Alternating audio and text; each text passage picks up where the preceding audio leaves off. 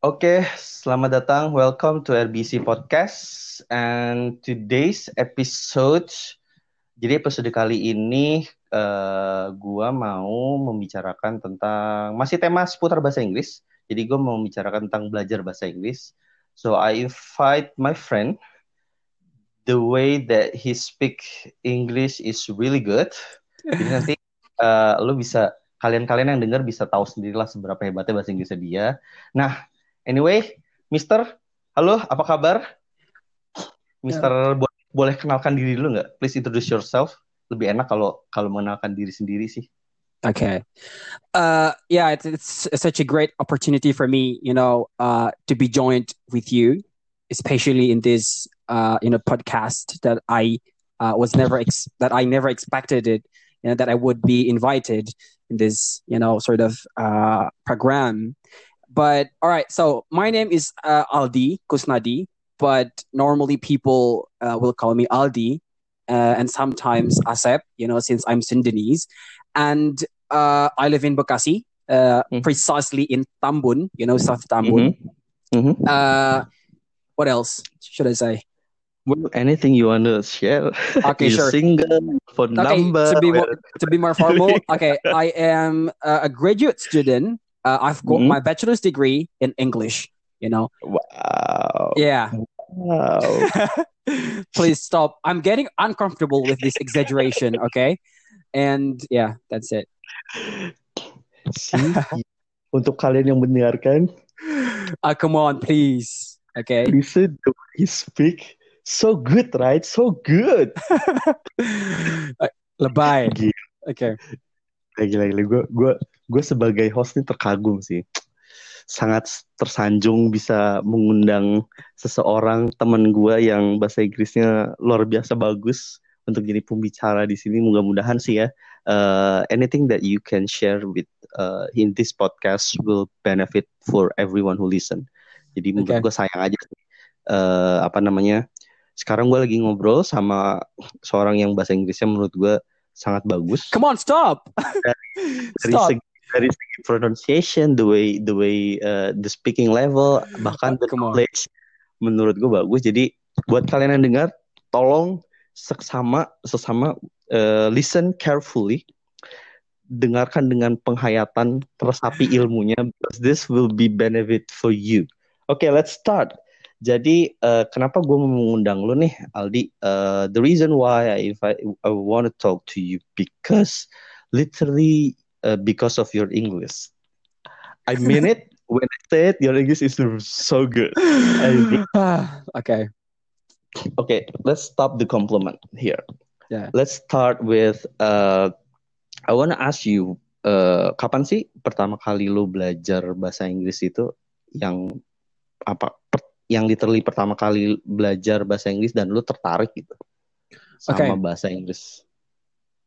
Uh, to be technical, actually, uh, everybody has the same uh, sort of reason why they speak English, right? Or why they want to learn uh, English. Firstly, because they are forced to do that. You know, since I was, since you know, we are students, and since we okay. go to school, we are taught uh, English, right? Okay. Since the first grade until you know the end of the year, until you graduate. Okay. You know, even uh, until you graduate from the sort of certain college, you know, or university.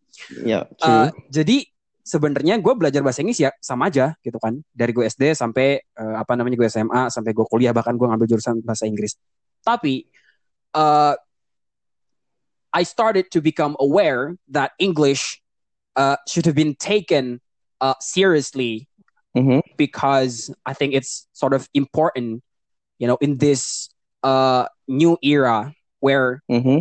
it is not, you know, we are right now living in a sort of competitive society, you know, mm-hmm. where you are going to be left behind if you do not have this sort of uh, ability, you know, learning mm-hmm. new language.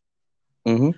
Jadi semenjak gue kelas 2 SMA, sorry bukan kelas 2, kelas 3 SMA gitu, mm-hmm.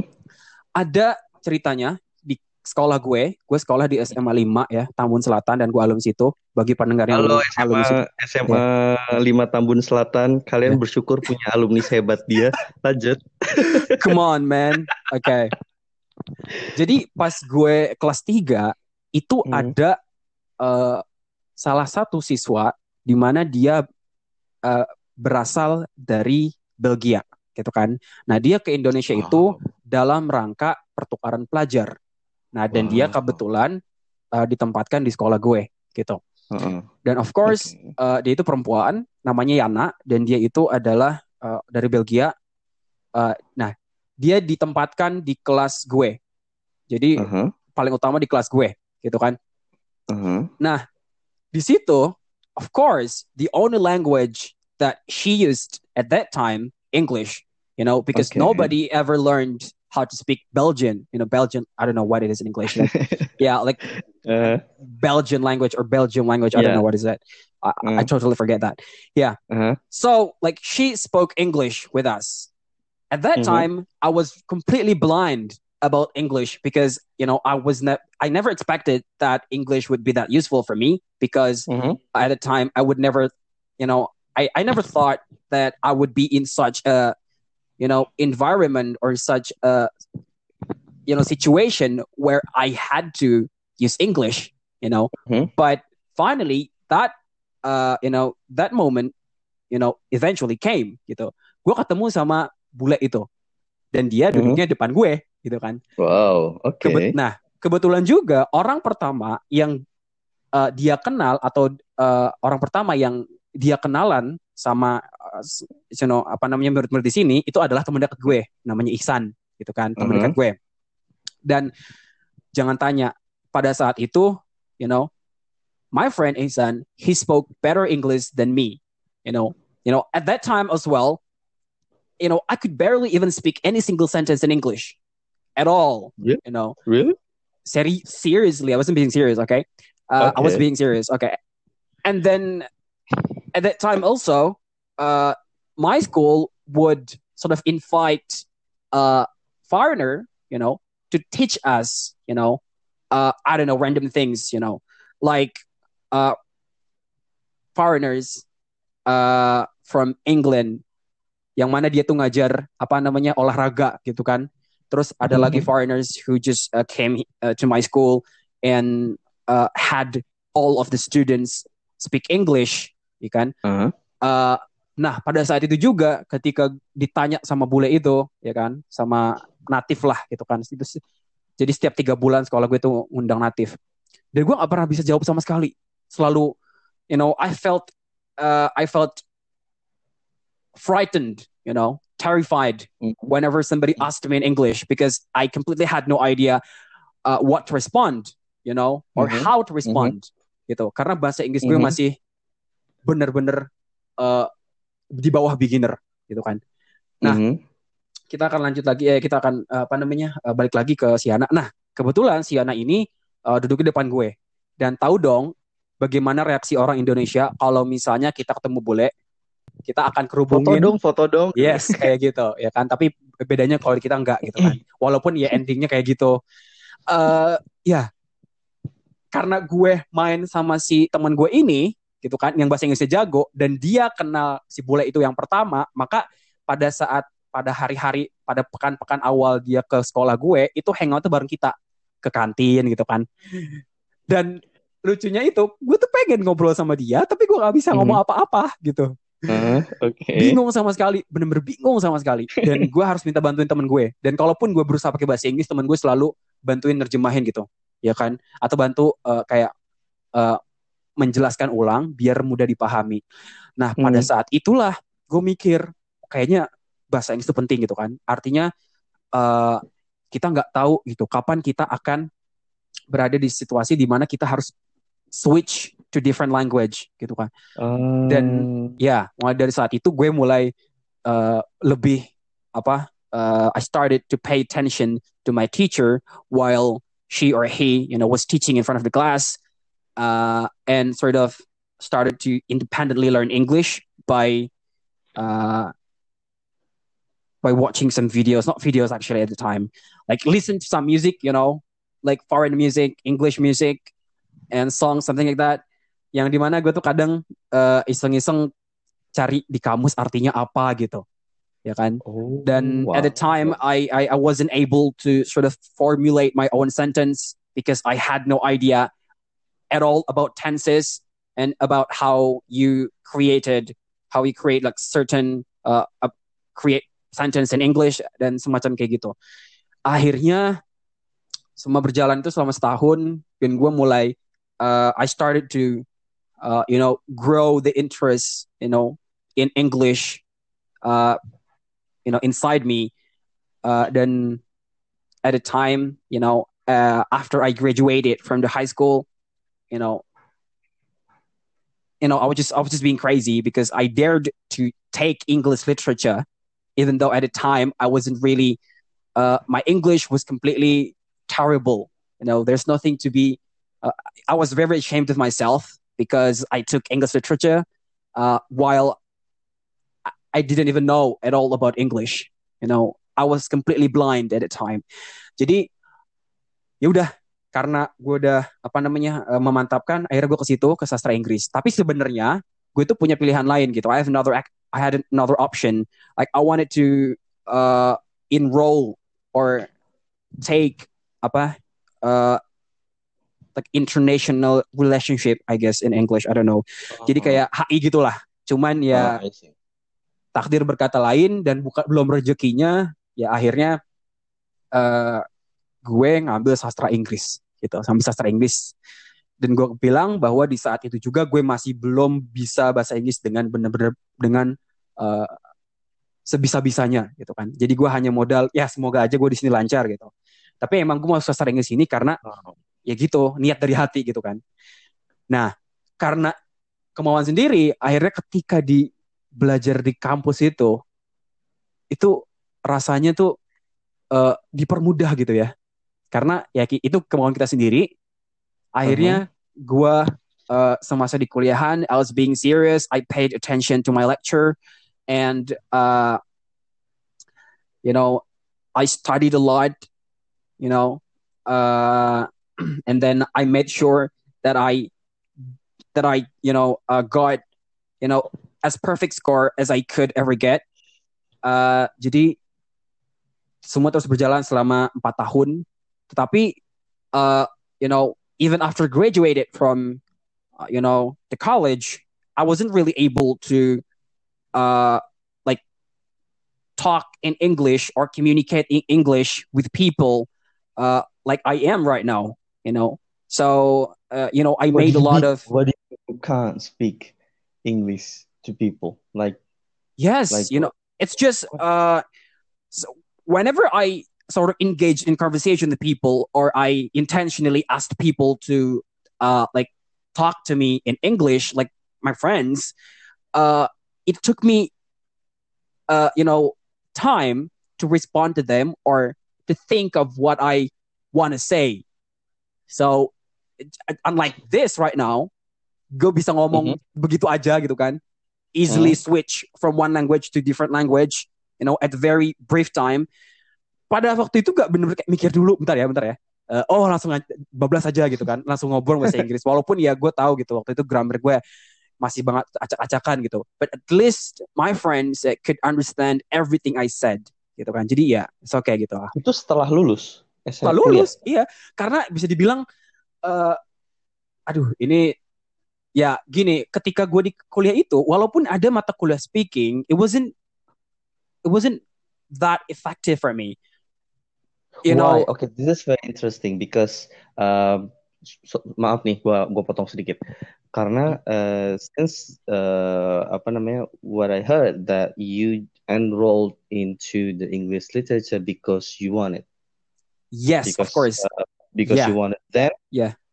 I've been wanting to ask you. Uh, akhirnya ada ada momen nih gue bisa literally nanya ke lo dan kebetulan juga mau podcast jadi banyak orang yang bisa denger. Oke, seberapa efektifkah? How effective it was? Uh, all the courses that been taught to you, how effective they were in Okay. way of your apa namanya uh, perkembangan bahasa Inggris lu tuh seberapa efektif sih gitu. Oke. In all level ya, maksudnya speaking, writing, listening dan uh, reading. Oke. Okay.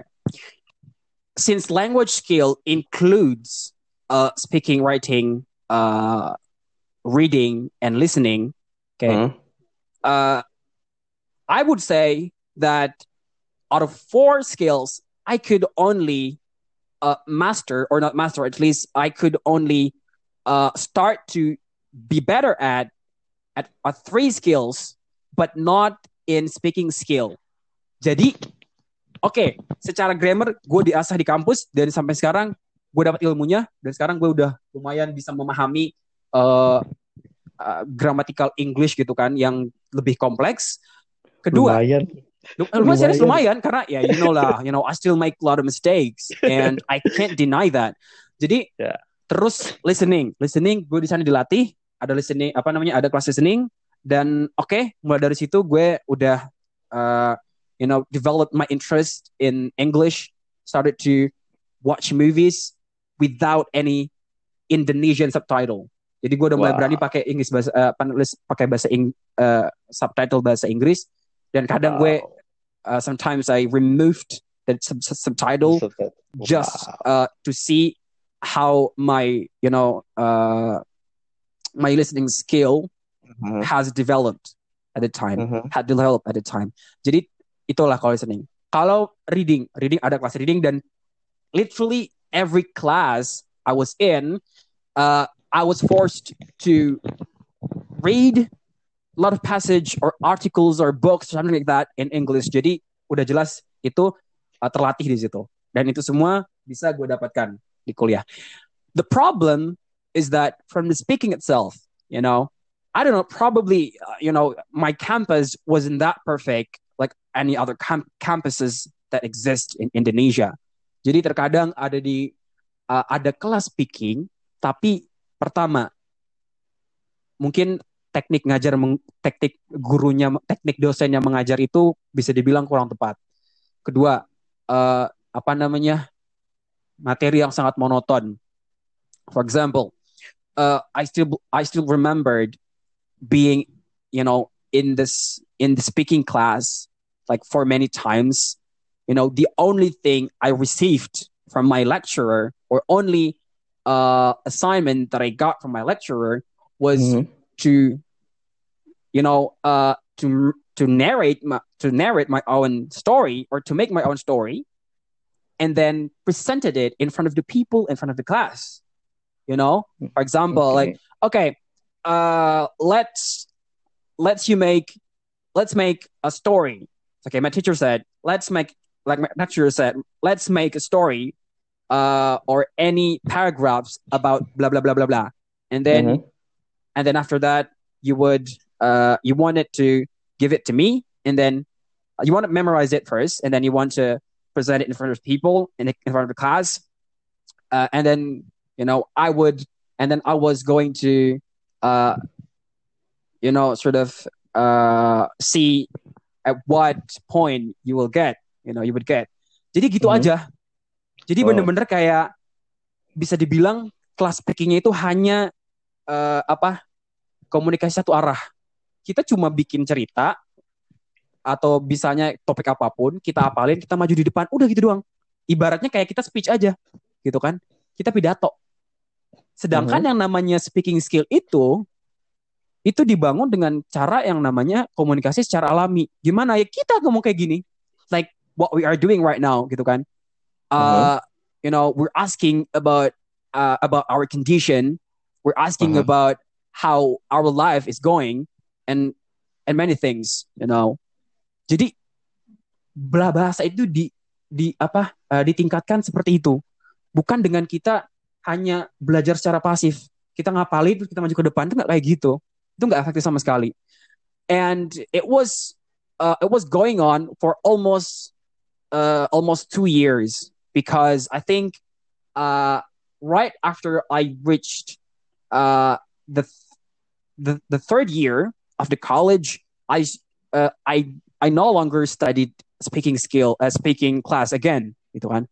Jadi Uh, itu semua berakhir di apa di semester keempat gitu. Jadi tahun Oh. ketiga udah nggak ada speaking skill lagi. Jadi empat tahun kita bilang speaking skill. Dan ya kayak gitu-gitu aja.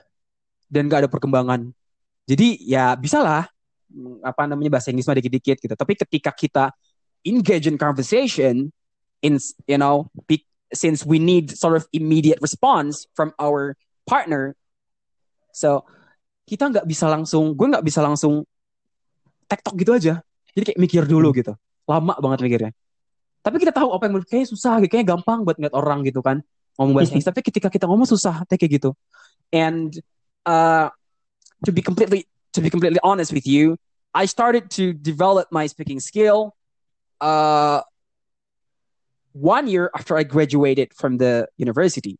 You know, uh, one example is by joining, uh, you know, RBEC, Royal Bekasi, eh, Bekasi English Club. You know, because at the time the name was Bekasi English Club, Mhm. and at the time I got I got to lot I got to meet a lot of people, and uh, I could show my speaking ability, even though probably at the fir- at, the very first time I joined BEC, uh, my English wasn't that good, or you know, still terrible. But yeah, mulai dari What? situlah. Yeah, What? seriously, Okay, seriously. that doesn't make any sense. Okay, Why? here's that doesn't make any sense for me because uh, when you join Bekasi English Club, the way you speak is already like this. I mean, uh, what I want to Ah, ask ah, if ah, uh, if during your college first and second year, uh, only those two years that you got the speaking class, and then third and fourth year there there were no uh, there was no speaking class at all, right? But in between, before you join Bekasi English Club, what did you do? I mean, to be able to speak like this, like the way you speak, Mhm. it's not easy for a lot of people because, well, well, when people with fluent English hear uh, listen to you, then it might be normal for them. But for uh, a lot of people in Bukasi English Club, they are very new to English. They are still in the stage of learning, beginner lah, uh, Hmm. awal-awal banget belajar. Mhm. But when they hear you, they listen to you, you speak amazing, dude. I mean, it's not, it doesn't make any sense. Uh, when you came first time to Bekasi English Club, then your speaking uh, level isn't wasn't like this. You know what I mean, right? Okay. Uh, uh, you know, people people can have different perspective. You know, Uh-huh. people can have different opinion uh, about uh, how my English sounds like to them. For example, I talk to you, I talk to my friends, uh, I talk to different people in English like this, and uh, they, you know, will likely say, "Oh, your English is good. You have a great pronunciation," but actually, you don't know what is uh, what in my head really is. You know, actually, before I even say anything, I I, I need to think uh, literally every kind of sentence or what is the possible answer I want to say, I want to give to them, and it's sort of kind of really uh, frustrating for me, frustrating for me. You know, gue serius waktu pertama kali join BEC itu mungkin Hmm. orang ngiranya wah bahasa bahasa Inggris bagus tuh lancar. Sebenarnya itu enggak karena itu sudah di uh, udah direncanain dulu, udah dipikirin dulu kira-kira mau ngomong apa ada kayak gimana kayak gimana gitu kan. Karena I orang itu, orang itu bisa dilihat kalau bahasa Inggris dia bagus atau enggak di per- bukan di saat dia tuh ngomong 5 menit bablas gitu. Enggak.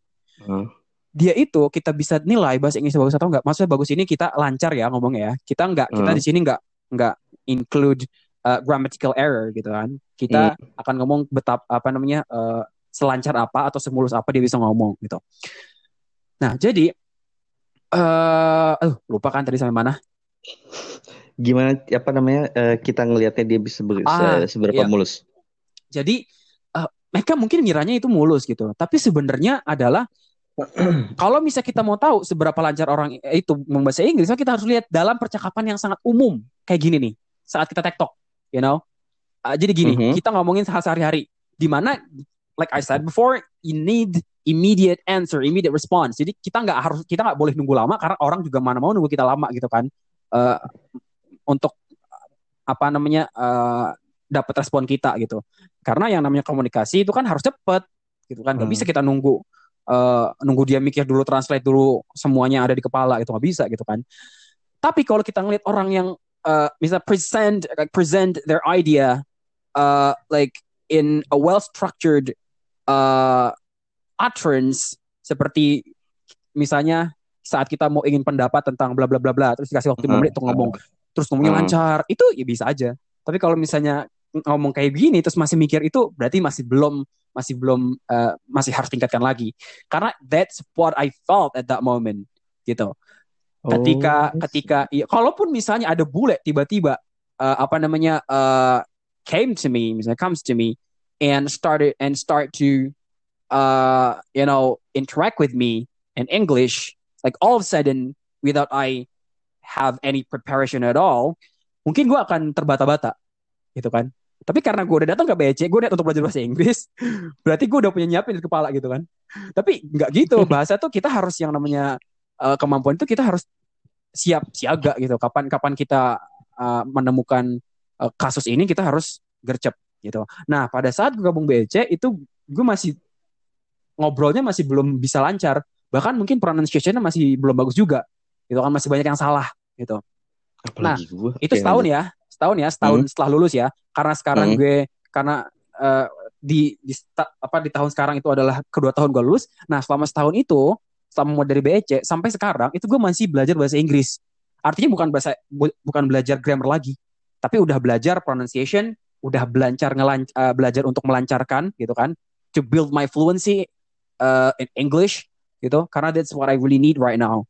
You know, I don't need grammar. I don't need grammar again since I have uh, sort of I since I already have enough knowledge about grammatical English, so I have to move on to different path gitu. Harus jalan kita gua harus cari jalan yang lain.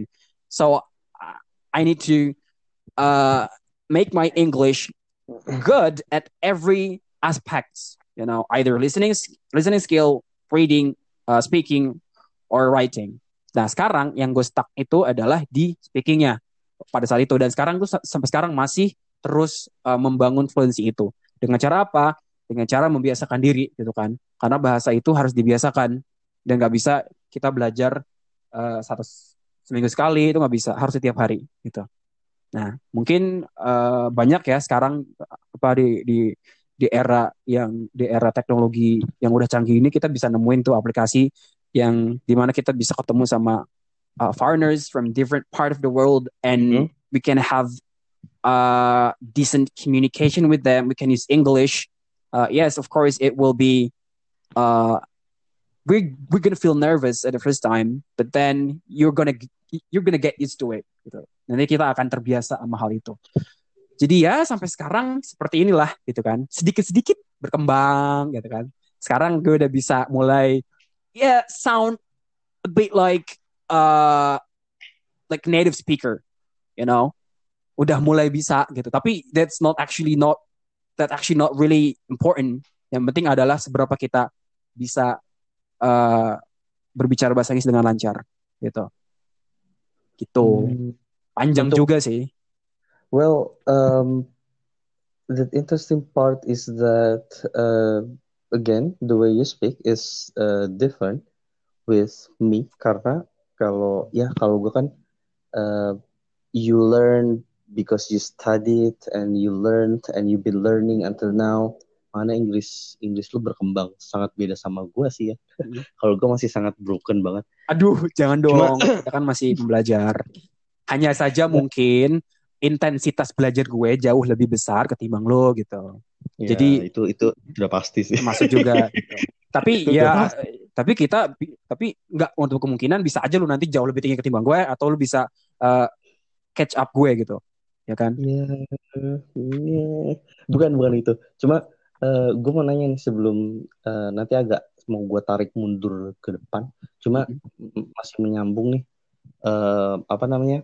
Kayak oke, cara lo ngomong ini ada terinfluence dengan seseorang nggak? The way you speak, like the accent or everything, the intonation and everything, eh apa namanya nada yang keluar semuanya itu intonasi, aksen dan segalanya itu ada terinfluence oleh seseorang nggak? Maksudnya kayak seseorang atau negara kayak ada kan uh, beberapa orang uh, there are a lot of people that learn specifically the way British speak gitu. Maksudnya okay. gue mau aksen British banget nih, gue mau aksen uh, LA banget nih. Kalau how about you?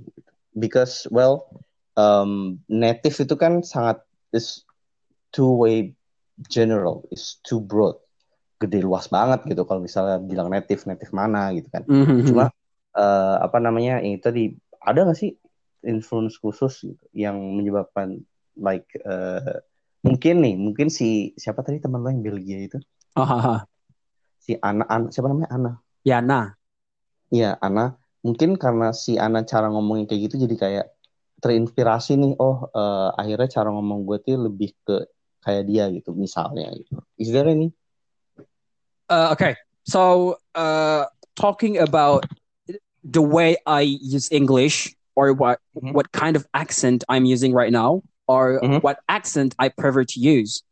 Mm-hmm. Uh, it, it it goes it went it goes back to when I was you know in college.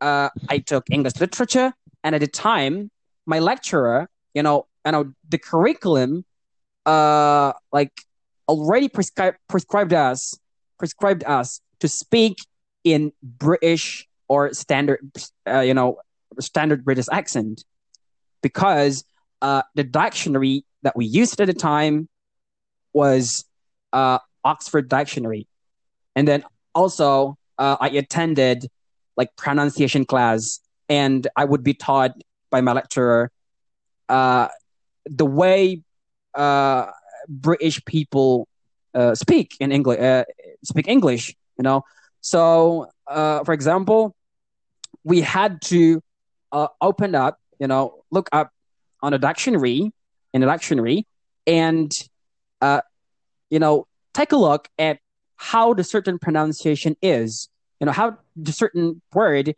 uh, is pronounced, you know. Jadi pada saat itu kita memang diajarin untuk pengucapan British gitu waktu di kampus. Oh. Yes, okay. karena kita pakai Oxford gitu. Dan ya, itu terus-terusan, terus-terusan berlanjut sampai sekarang. Jadi sampai sekarang gue tahu oh gimana sih caranya uh, maksudnya uh, gue udah punya bekal untuk gimana caranya gue itu uh, build my pronunciation gitu kan untuk belajar untuk meningkatkan pronunciation gue dalam bahasa Inggris. Oke. Okay. Gue udah tahu cara ngucapinnya lidah gue juga udah mulai uh, apa luwes. Jadi udah bisa ngikutin style apa namanya uh, orang apa namanya bahasa-bahasa lain gitu kan seperti bahasa Arab, bahasa apa Thailand lah, bahasa Inggris dan sebagainya. Jadi gue udah membiasakan lidah gue. Artinya uh, aksen Indonesia gue atau dialek Indonesia gue udah gue turunin dikit.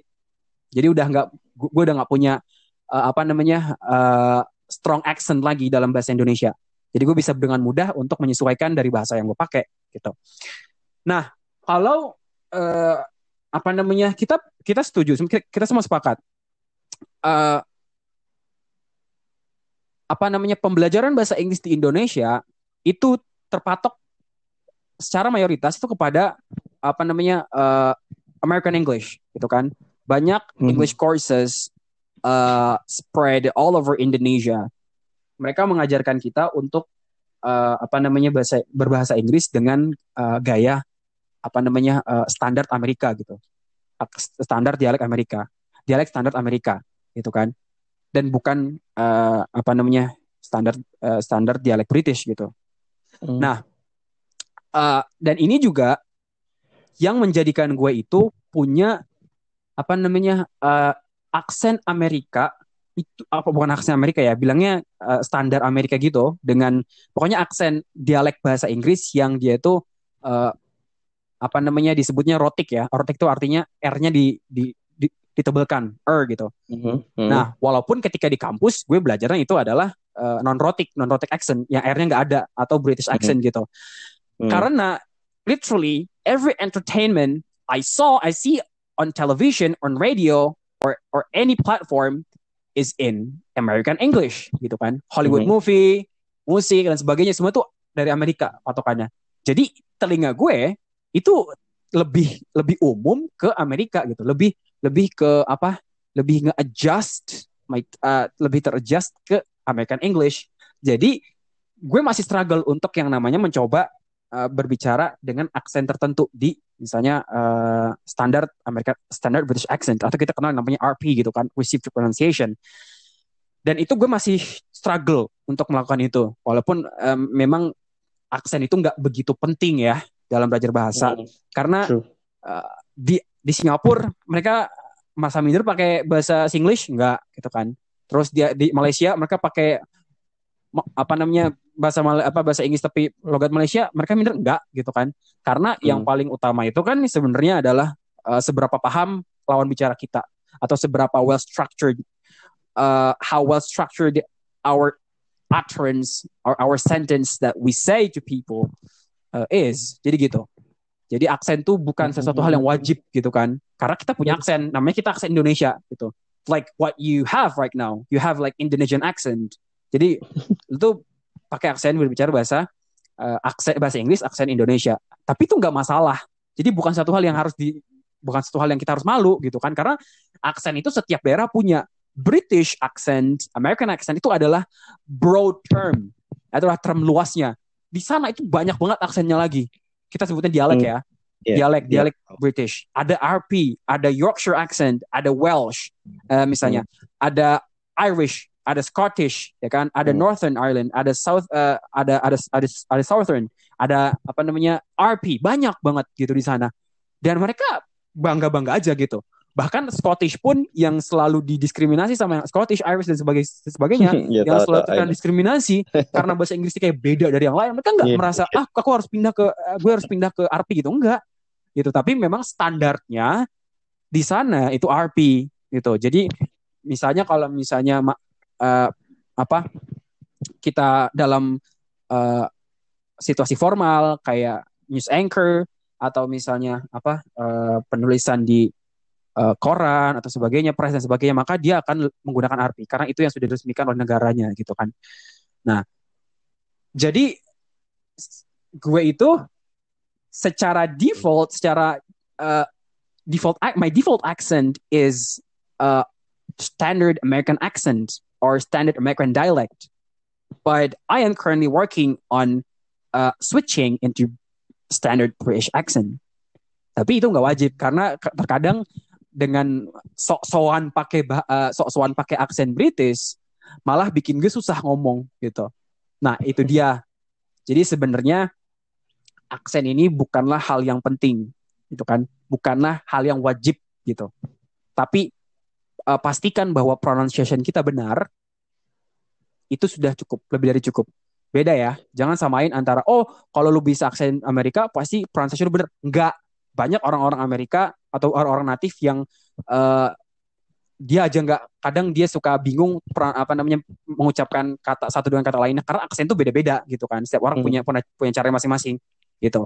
Bahkan gue pernah kalau nggak salah ngobrol sama eh apa native juga dia dari eh, Leicester itu salah satu kota kalau nggak Hmm. salah ya di di, di Hmm. UK gitu dia coba ngeja dia tahu eh, ada satu kata nama eh, katanya ada acquaintance ya kan mhm. dia coba eh, ngeja ditulis ketik salah ejaannya yang menunjukkan bahwa dia aja nggak tahu ya, apa namanya eh, dia aja nggak tahu apa yang dia baca dan apa yang ditulis gitu bagaimana Hmm. tulisan benar jadi terkadang masih banyak yang salah gitu jadi yang menjadi gue tekankan adalah eh, silahkan belajar aksen atau kepengen belajar aksen boleh tapi jangan menjadi prioritas utama karena semua itu ada apa bisa dibilang ada ada ada ada prosesnya gitu kan ada prosesnya. Karena ini sering banget gue nih ketika gue ngomong sama apa eh, orang-orang atau kita dalam lagi forum diskusi bahasa Inggris mereka selalu uh, they they literally praise me for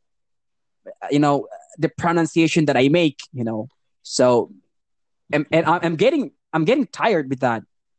Capek gitu kayak gitu. Karena perasaan kita ngomong tuh santai aja. Kita kita ngomong bisa tektok gitu kan. Kita you know we can understand one to one another you know. Kita bisa percaya Mhm. eh, kita bisa memper, uh, memahami satu sama lain. Ya udah selesai gitu. Jadi memang ya seperti itu gitu. Jadi uh, influence gue itu lebih sekarang ya sekarang gue pengen sih belajar uh, untuk berfokus kepada standard British accent. Uh, terserah orang mau ngiranya oh laga-lagaan lu misalnya. Sok-sokan mau pakai British dan sebagainya nggak masalah gitu kan. Karena yang namanya gue kan pembelajar gitu dan gue bebas untuk menentukan, menentukan ah apa pun gitu. Ya. Itu